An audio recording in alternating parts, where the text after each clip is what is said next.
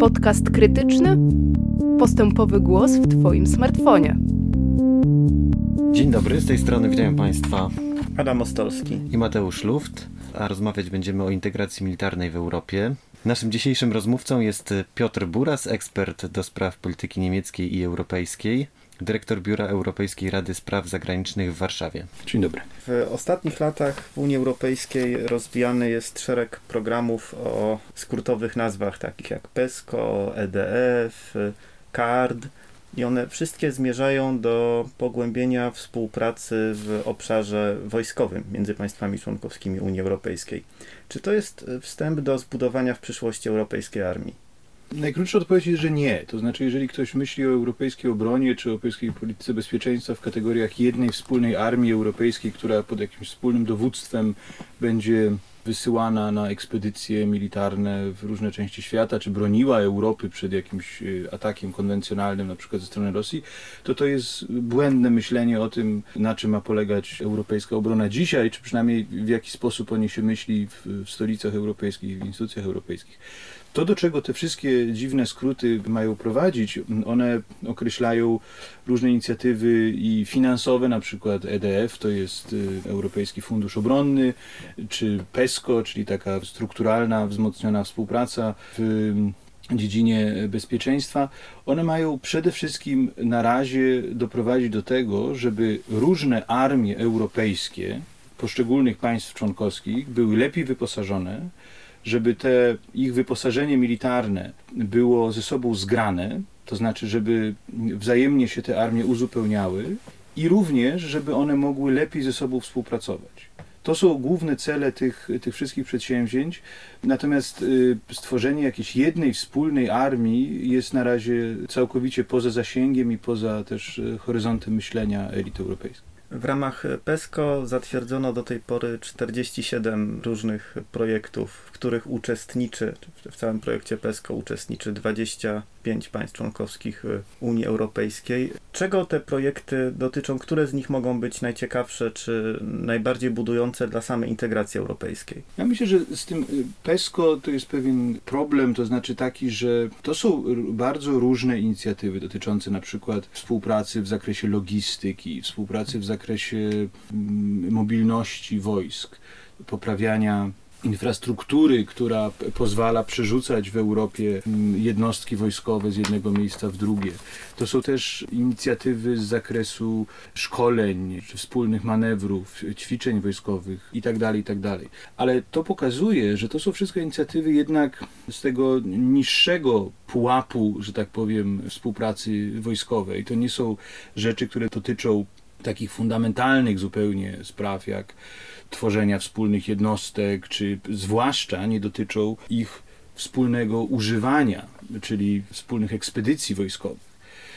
Są oczywiście pewne projekty, y, które dotyczą współpracy przemysłów zbrojeniowych, które to jest ważne w Europie, żeby poszczególne państwa, poszczególne firmy z różnych krajów ze sobą współpracowały i rozwijały wspólne projekty. Do tego też jest przewidziany ten Europejski Fundusz Obronny, który ma właśnie wspierać tego rodzaju inicjatywy, które są w ramach tego PESCO podejmowane i nie tylko w ramach PESCO. Ale jeżeli mówię o tym, że, że to jest, tym jest pewien problem z punktu widzenia przynajmniej niektórych państw, na przykład Francji, to on polega na tym, że to nie są jakieś niezwykle ambitne przedsięwzięcia. One oczywiście w sumie mają się składać na lepszą współpracę armii europejskich, ale na przykład takiej Francji e, szczególnie zależy na tym, żeby były lepsze możliwości wspólnego organizowania operacji wojskowych po prostu. No bo możemy oczywiście rozwijać różnego rodzaju zdolności, poprawiać nasze wyposażenie armii, uzbrojenie i tak dalej, no ale ostatecznie chodzi o to, żeby można było tego wszystkiego użyć. I PESCO właściwie tutaj niewiele ma do, do powiedzenia, niewiele zmienia w, tej, w tym zakresie. Czym w takim razie różni się europejski system obronny, jeśli można o takim mówić, od NATO? NATO jest po prostu y, jest sojuszem, który ma swoje struktury dowódcze, który ma swoje y, metody działania, jest sojuszem politycznym, opartym y, i wojskowym, ale opartym na, na, na wspólnym traktacie, na zasadzie wspólnej obrony, artykule 5, który, który zobowiązuje państwa do udzielenia sobie wzajemnej pomocy. To, co się dzieje dzisiaj w ramach Unii Europejskiej, może być bardzo ważnym uzupełnieniem NATO, może zwiększać zdolność krajów europejskich do wzmacniania NATO. To jest dzisiaj z punktu widzenia, i to jest bardzo istotne, wspólnej obrony Europy. To jest być może najważniejszy element, ponieważ musimy rozróżnić dwa wymiary. Jedna to jest wspólna obrona, taka w ramach artykułu 5, czyli obrona przed pewnym agresją, atakiem ze strony jakiegoś wroga. No, w przypadku Europy no, trudno sobie wyobrazić w tej chwili jakiegoś innego niż, niż, niż Rosję.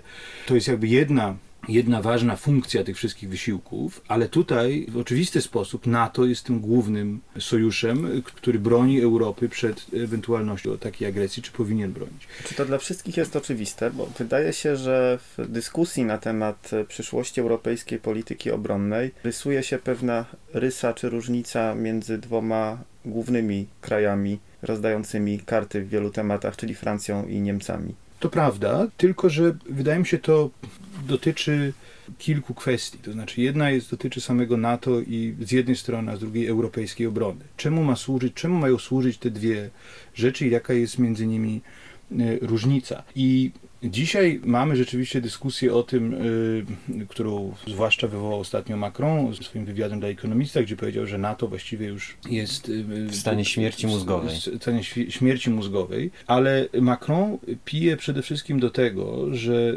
NATO przestało być sojuszem, w którym toczy się główna dyskusja polityczna na temat bezpieczeństwa międzynarodowego i europejskiego między głównymi sojusznikami, ponieważ Stany Zjednoczone w sprawach takich jak na przykład Syria, jak główny obszar y, dzisiaj z punktu widzenia bezpieczeństwa Europy dokonały działań unilateralnych, niekonsultowanych z sojusznikami. Turcja jest krajem, który działa na własną rękę, mimo że jest krajem NATO. Macron zwraca uwagę na to, że dzisiaj Europa nie może liczyć już na Stany Zjednoczone tak, jak mogła liczyć w przeszłości i że to ma bardzo poważne konsekwencje i dla naszego bezpieczeństwa, i dla tego, jak powinna być kształtowana ta wspólna europejska obrona.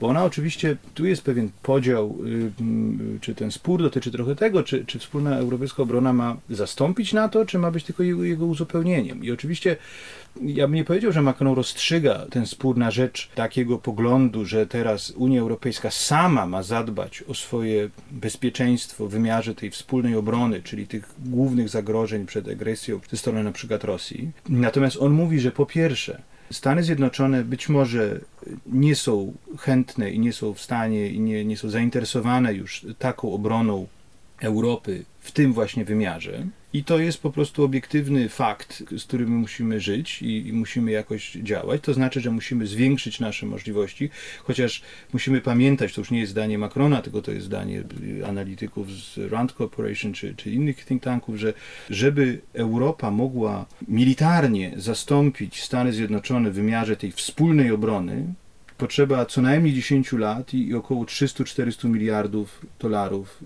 inwestycji w zdolności obronne krajów europejskich. To jest gigantyczny wysiłek, więc w zasadzie to jest w tej chwili na, na dobrą sprawę nie do zrobienia. Ale jest jeszcze ten drugi wymiar, o którym ja tutaj wspominam między wierszami, ale jeszcze o nim nie powiedziałem. To znaczy, wiele rzeczy się w wymiarze bezpieczeństwa dzieje bardzo niebezpiecznych też w otoczeniu Unii Europejskiej. To jest Bliski Wschód, to jest Afryka, walka z dżihadystami w Sahelu. Mamy Bałkany, które 20 lat temu mieliśmy tam wojnę, z którą Unia Europejska, Europa nie była w stanie sobie w ogóle poradzić, mimo iż to jest obszar o strategicznym znaczeniu dla bezpieczeństwa, stabilności Europy. I teraz jest tak, że my w zasadzie wiemy dużą, dużą pewności czy prawdopodobieństwa możemy powiedzieć, że Stany Zjednoczone nie będą chciały się angażować militarnie w tych rejonach, które dla Europy są bardzo ważne i w których być może Europa będzie musiała użyć siły militarnej w takim czy innym zakresie. To jest to pytanie, na ile Unia Europejska będzie w stanie strategicznie, za pomocą również środków wojskowych działać w tych regionach. I w tym obszarze te wszystkie inicjatywy, nie tylko PESCO, ale też na przykład inicjowana przez Macrona europejska inicjatywa interwencyjna, to jest taki trochę poza strukturami Unii Europejskiej projekt, właśnie ma służyć y, przeciwdziałaniu tego rodzaju zagrożeniom. Wspomnieliśmy o tej wypowiedzi Macrona o śmierci mózgowej NATO. Ostatnio mieliśmy taką przepychankę słowną między politykami francuskimi i politykami niemieckimi. Czy możemy mówić o dwóch odrębnych pomysłach na obronę europejską, czy możemy mówić o takiej tradycji francuskiej, tradycji niemieckiej? Ja myślę, że, że trudno mówić o tym, że jest jakiś pomysł francuski, pomysł niemiecki. Ja myślę, że te kraje mają rzeczywiście mm, dwa różne podejścia, chociaż mają podobną analizę sytuacji. Myślę, że i Francja, i Niemcy zgadzają się co do tego, że do tej analizy, którą przedstawiłem wcześniej, że na Stany Zjednoczone będzie coraz mniej można liczyć i że coś trzeba robić. Tylko, że w wymiarze europejskim i w ramach Unii Europejskiej. Tylko, że różnica między Niemcami a Francją polega w największym skrócie na tym, że Francji zależy przede wszystkim, rzeczywiście zależy na tym, żeby Unia Europejska miała zdolności, albo nawet nie tylko y, Unia Europejska, ale Europa, kraje europejskie, wszystko jedno, czy to będą, bo Unia Europejska to są instytucje, to jest również Komisja Europejska, to są procedury, to jest Rada Europejska, Rada Unii Europejskiej.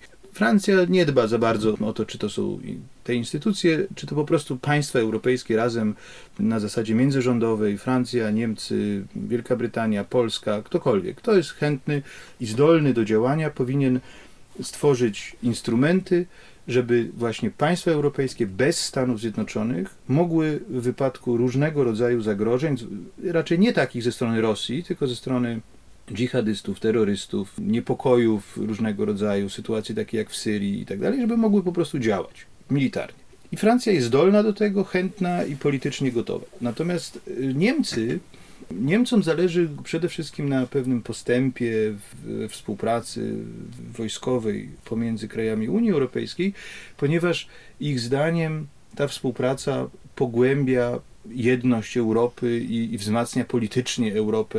Jest takim projektem integracyjnym, który pozwoli Europie na dalsze funkcjonowanie, ale, ale właściwie nie tyle y, na wzmocnienie Europy w ogóle, ale Niemcy nie są za bardzo gotowe i chętne i zainteresowane do jakichś działań y, y, ekspedycyjnych, wojskowych, więc ten wymiar taki praktyczny na dobrą sprawę tej współpracy wojskowej jest na drugim planie w Niemczech. I Niemcy są tutaj bardzo mocno też podzielone wewnętrznie jeśli chodzi o wszystkie ambicje dotyczące spraw militarnych, gdzie zwłaszcza słabnąca socjaldemokracja, lewica, mm, też Zieloni no, są raczej sceptyczni w tych sprawach, nie, nie, nie są tak bardzo mocno zainteresowani tym obszarem.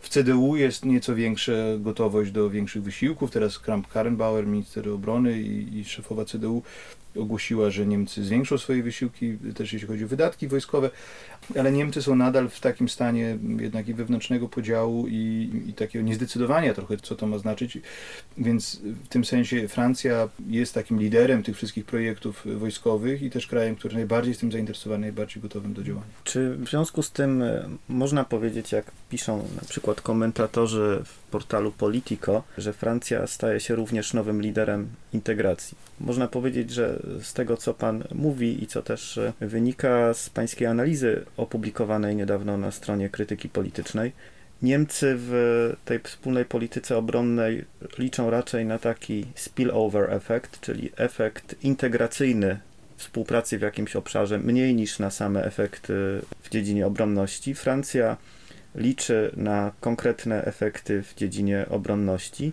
ale być może również dzięki temu przejmuje powoli stery i zaczyna nadawać ton integracji, tak jak przez kilka dekad ton integracji nadawały Niemcy. Czy, czy zgadza się Pan z tą opinią?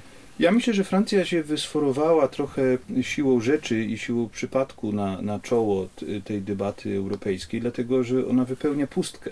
Niemcy są w schyłkowej fazie Merkel, są mało aktywne, są wewnętrznie trochę zdezorganizowane zmianami na scenie politycznej, też kryzysem w ramach Wielkiej Koalicji, która rządzi Niemcami już od dłuższego czasu i Niemcy są dosyć mocno zajęte sobą, natomiast Macron ma ten efekt jednak nadal świeżości i, i, i pewne ambicje i dużo energii i też jako prezydent Francji z pewnymi zupełnie innymi kompetencjami niż kanclerz y, Niemiec, ten system polityczny też pozwala mu na większą swobodę działania i, i on jest mniej związany tym kontekstem wewnątrzpolitycznym, ma swój mandat i po prostu w ramach niego może pewne inicjatywy lansować i on rzeczywiście nadaje ton debacie dzisiaj. Pytanie jest, czy on rzeczywiście jest już liderem Unii Europejskiej. Co do tego mam trochę wątpliwości, ponieważ y, na razie nie widać, żeby te jego inicjatywy zyskiwały poparcie i żeby on potrafił zbudować taką masę krytyczną za nimi, która pozwoli rzeczywiście na realizację tych celów, czy to w wymiarze reformy strefy euro, czy też w wymiarze polityki obronnej, jeśli rozmawiamy o, o tych wszystkich PESCO i innych akronimach, za którymi kryją się te inicjatywy obronne, to to wszystko pozostaje daleko poniżej oczekiwań Francji. One są zbyt mało ambitne, jak na oczekiwania Paryża i dlatego właśnie Macron wyszedł niedługo po uchwaleniu tych unijnych inicjatyw ze swoim pomysłem stworzenia takiej europejskiej inicjatywy interwencyjnej, czyli z projektem, który jest poza ramami instytucji unijnych, który jest adresowany oczywiście do krajów Unii Europejskiej, ale nie tylko, który też chciałby, który chciałby włączyć też Wielką Brytanię i, i być może inne kraje, które pozostają poza Unią, po to, żeby poza tym gorsetem instytucji unijnych i poza mm, możliwościami blokowania tych inicjatyw czy ich sabotowania przez być może również kraje takie jak Polska, przynajmniej z perspektywy Paryża, tworzyć struktury albo właściwie struktury koordynacji bardziej, dosyć luźne, właśnie nie, nie żadne instytucje, nie, nie jakieś sztywne struktury, ale formy koordynacji państw w rzeczywistym działaniu w sprawach militarnych, tak żeby na przykład była możliwa interwencja europejska na Sahelu czy na Bliskim Wschodzie. Jeżeli będzie to konieczne, to żeby te państwa łatwo mogły się dogadać, żeby wiedziały, które jednostki wojskowe mogą wysłać. No ale to jest jakby poza y, ramami Unii Europejskiej, ponieważ ten gorset unijny wydaje się zbyt ciasny dla Macrona. Gdy rozmawiamy tu w Warszawie i rozmawiamy o obronie, o NATO, o Unii Europejskiej, to nie można zadać pytania o Rosję. Jak pan przewiduje, czy, czy ten nowy pomysł na obronę, obronę Europy przed zagrożeniami zewnętrznymi będzie sprzyjał też bezpieczeństwu Polski względem Rosji? Ja myślę, że ona jest w bardzo małym stopniu uwzględniona w, tych planach, jest uwzględniona pośrednio tylko. To znaczy, te wszystkie wysiłki, które Unia Europejska podejmuje, y, na przykład w ramach PESCO, w ramach zwiększania zdolności wojskowych w Europie do przesuwania Y, jednostek w ramach Unii Europejskiej, polepszania infrastruktury wojskowej. To wszystko służy na to. Wszystko jest bardzo ważne z punktu widzenia na przykład, no jeżeli polepszamy infrastrukturę w Niemczech, dzięki której można, nie wiem, tory kolejowe, drogi, dzięki którymi można przerzucać wojska, no to to będzie służyć również wojsku amerykańskim w razie, nie wiem, agresji potencjalnej rosyjskiej we wschodniej Europie. Więc to służy pośrednio, pośrednio NATO i, i jest bardzo ważne z tego punktu widzenia. Natomiast na, z całą pewnością te inicjatywy, które są podejmowane w Europie jako takie, nie zastępują w żaden sposób NATO i Stanów Zjednoczonych y, w przypadku jakiejś agresji militarnej, konwencjonalnej ze strony Rosji. Pytanie jest oczywiście, czy to jest dzisiaj najbardziej przewidywalny scenariusz. Mm, myślę, że nie.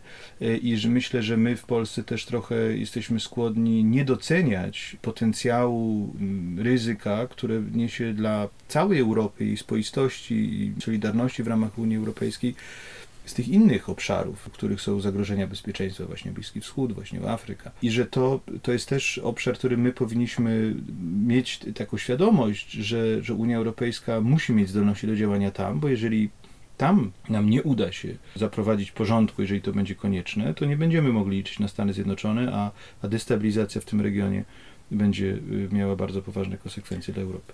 Rozmawialiśmy o, o tym, jakie ma znaczenie europejska polityka obronna dla bezpieczeństwa Europy, ale chciałbym, żebyśmy jeszcze weszli na poziom wyżej i chciałbym zapytać Pana o to, jakie jest znaczenie tych dyskusji, programów integracji wojskowej dla polityki europejskiej w ogóle.